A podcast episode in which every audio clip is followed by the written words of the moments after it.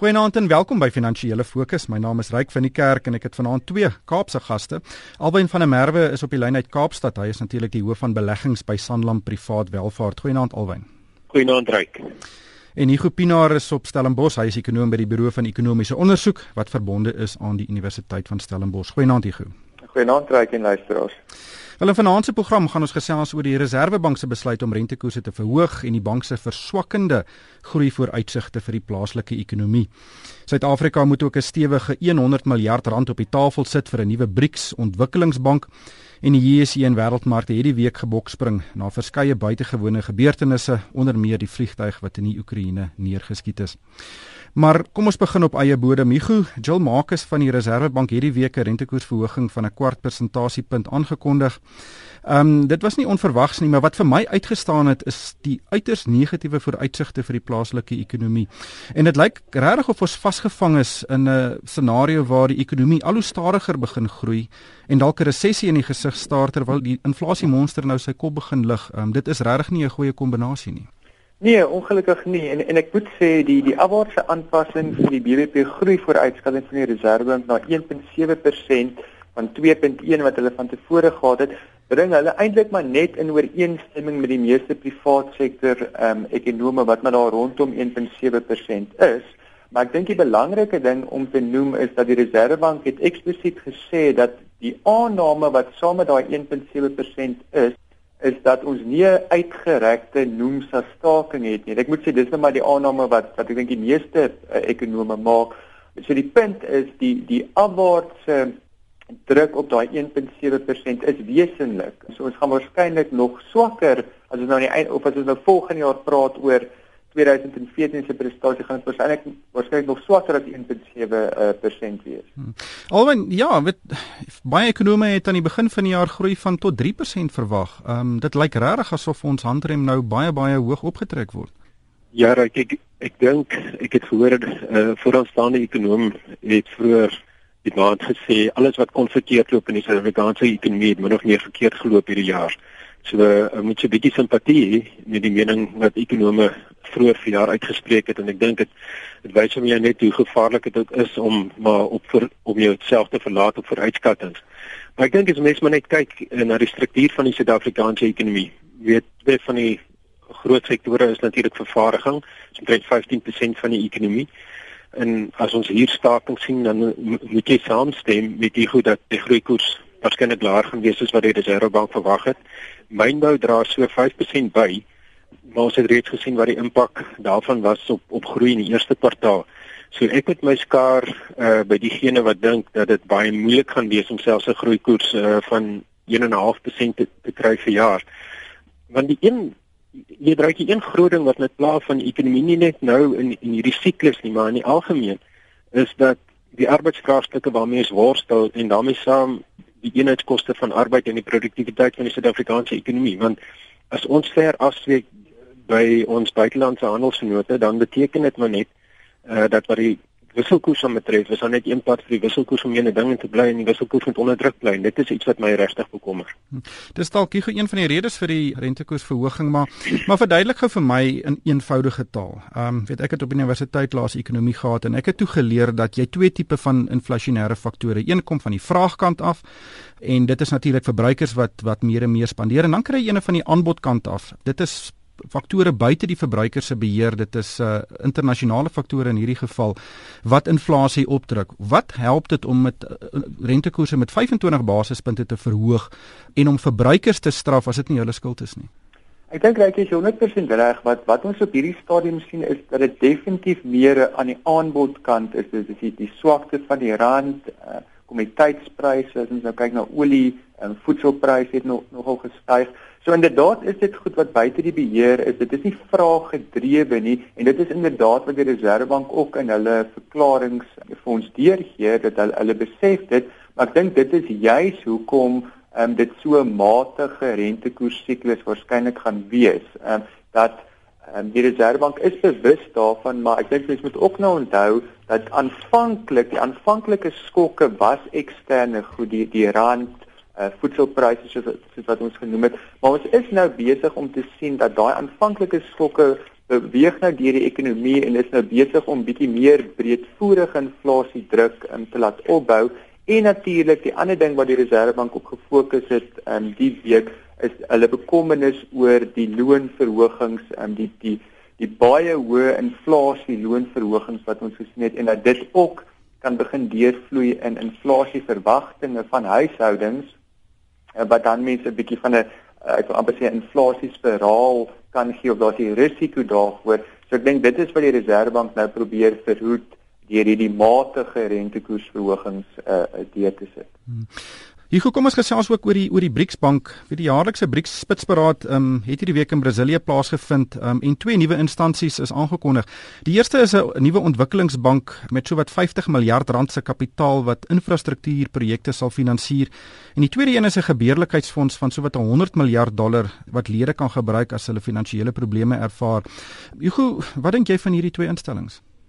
Anderlik ek dink in, in in die eerste plek dit is duidelik 'n poging van lande soos China, Indië om 'n bietjie van 'n teenpool daar te sit teen die die tradisionele westerse finansiële instellings soos die internasionale monetaire fonds en en die wêreldbank. Wat nou lank, jy weet, hierdie vrese dat die ontwikkelde lande nie 'n goeie amper sê deal kry uit uit hierdie lande nie. Hulle het nie die dieselfde tipe van insaag in in wat daar gebeur nie. So ek dink dit is 'n reaksie uh, daarop hoe dit nou vir Suid-Afrika kan kan bevoordeel bevoordeel, ekskuus, in die eerste plek moet ons nou klomp geld neersit as, as 'n bydrae tot hierdie gebeurlikheidsfonds, maar ek dink hoe dit ons kan baas in die toekoms as daar een of ander finansiële krisis is wat wat Suid-Afrika ervaar kom ons sê betalingsbalanskrisis waar ons 'n tekort aan buitelandse kapitaal um, ervaar, dan kan hierdie nou beteken dat ons nie 'n uh, bakkant hoef te gaan staan by die IMF e om om geldelike bystand te kry nie, maar dat ons dan nou deur hierdie gebeurlikheidsfonds 'n uh, bystand kan kry. En um, so dit dit kan ons baat in in daai opsig, maar soos ek sê, ons moet natuurlik ook 'n redelike groot geldelike bydrae maak um, wat ek nie seker is waar ons op hierdie stadium die die geld vandaan gaan kry. Ja, die wie die Economist het hierdie week geskryf dat uh, dis een van die eerste inisiatiewe wat 'n bietjie opstaan teen die die Bretton Woods instellings, dis die Wêreldbank en die IMF omdat hulle so arrogant is as dit by finansiering van ontleikende lande kom. Ehm um, maar alwen die beurs hierdie week het weer wiplang gery maar weer eens uh, dit is nou maar die tema van van die jaar ons beurs word gedryf deur wat in die buiteland gebeur en nie wat uh, in die binneland gebeur nie ek dink die ryk is mense in die algemeen na na aandelemarkte kyk uh, wêreldwyd so jy sien dat daar baie hoë korrelasie is tussen die beweging van van internasionale aandelebeurse en dat daar ook nie eendag so groot verskil is tussen die beweging in ontwikkelende markte en die ontwikkelde markte nie. En ek dink die groot die groot faktor wat wat markte maar dryf op die oomblik is wat met rentekoerse kan gebeur want ons weet dat rentekoerse internasionaal en veral in die ontwikkelde wêreld baie laag is. En na uh, ons vroeër hierdie week ook gesien dat Janet Yellen aan die Senaat verslag gedoen het en al die uitsprake wat gelewer word rondom die verwagtinge rondom rentekoerse het natuurlik 'n groot impak op op markte want die aandeleprys natuurlik vanaf rentekoerse verwagtinge. So dis 'n een aspek wat dryf. Die ander aspek wat dryf ons is in die middel van van die verslagdoeningsseisoen rondom die tweede kwartaal en hier en daar waar mense kry dat uh, aandele beter prestasie lewer as wat die mark verwag het, dan kry jy dat die dat die beurs 'n bietjie sterker is en dan natuurlik is dit teenoorgestelde ook waar. So gegee die feit dat markte internasionaal uh redelik stewig of hoë gepryse is, is daar redelike groot klomp sensitiwiteit rondom hierdie twee of drie faktore. En ons mark volg maar eenvoudig net uh wat wat aangaan. Dan is ook interessant rondom die rentekoers stygings aankondiging wat ons uh, donderdag beleef het kon jy sien hierdie hierdie mark aanvanklik liggies daarop gereageer en net eenvoudig terugbeweeg na die vlakke toe. So dis asof die rentekoers aankondiging geen impak gehad het op die Suid-Afrikaanse mark maar dat internasionale faktore amper swaarder gewig het op die beweging van ons ons aandele. Alwen kom ons gesels oor 'n paar koöperatiewe aankondigings ehm um, die week uh, Woolworths het sy oorneem van David Jones in Australië ehm um, wel hy die die die goedkeuring gekry van die Australiese howe. Dis 'n baie groot uh, oorneem vir Woolworths. Is 23 miljard rand. Dis so wat 'n derde van sy markwaarde op die oomblik. Wat dink jy van daai transaksie? Kyk kyk uh, ons ons gevoel is dit is 'n is 'n positiewe transaksie. As jy kyk die prys wat hulle betaal het lyk dit op die oog af of dit redelik duur was. Ek dink is op 'n prys-verdienste verhouding van 24 keer plaasgevind wat beteken hulle het 24 Australiese dollar vir 1 dollar se Australiese wins betaal wat heelwat hoër is as wat kleinhandel aandele in Australië verhandel Maar ek dink dit is daar's twee faktore wat mense in ag moet neem rondom die prys. Die eerste ene is dat die verdienste, met ander woorde die deler in die prys-verdienste verhouding, die verdienste op die oomblik is en David Jones is is laag en daarom is die, die veelvoud natuurlik hoog, so dit dit het hom kunsmatig verhoog en aan die ander gedeelte is hoe hulle vir die eiendom ehm um, hoe hulle daar dit in berekening bring en dit het natuurlik ook die prys-verdienste verhouding 'n bietjie gaan infleer of of opgestoot. As jy mens kyk na Woolies het ook met 'n handelsopdatering gekom. As jy mens kyk na hulle groei in Suid-Afrika, is geen twyfel nie dat dit dat dit 'n baie goed bestuurde besigheid is en as jy net kyk na die groeikoers in in klereverkope was dit so rondom 10% vir die spesifieke periode. Nou dis 'n bietjie teleurstellend en ek dink wat Woolies eenvoudig doen, hulle soek geleenthede um, om in die buiteland te groei. Hulle was na my mening baie suksesvol om Country Road in Australië uh, om te draai en ek dink eenvoudig dat die Woolies bestuur sien hulle self in 'n posisie dat hulle 'n maatskappy wat dan sukkel kan omdraai en dat dit op die ou end uh, gaan bydra tot beter verdienste groei vir Woolies en dan uiteindelik beter uh, aandeleprestasie vir die beleggers. En ons is sekerlik in daai kamp. Die vraag is of Woolies nie tans ehm uh, al daai goeie nuus verdiskonteer nie en na my mening is dit waarskynlik reeds in die aandeleprys van Woolies. Net eh, die tyd is besig om ons in te haal. Uh, Anglo American het 'n produksieverslag gepubliseer. Dit was 'n bietjie beter as verwag is. Um, die ystererts en koper produksievlakke was hoër as wat ontleeders verwag het, maar platinum produksie was 40% laer en dit wys nie die die, geweldige impak wat die staking gehad het. Ek ek ek dink dis een van die eerste syfers wat uitges wat wat vrygestel word wat ons dan die impak van die staking kan kyk. Ehm um, en jy weet jy verwys na die na die amptelike syfers, maar as jy kyk waar die staking regtig 'n uh, impak gehad het, is op hulle bedrywighede in Rissenburg en in Mandelbult en en in Union. En as jy na daai produksie kyk, uh wat se produksie af amper 90% uh vergeleke met die vorige of vergelykende periode. So dit sonder twyfel uh kan jy sien dat dit net 'n uh, ongelooflike impak gehad het op hulle resultate. Ehm um, die resultate, die volledige resultate sal môre bekend gestel word en dan sal mense kyk wat die impak op die kostes was van platinum.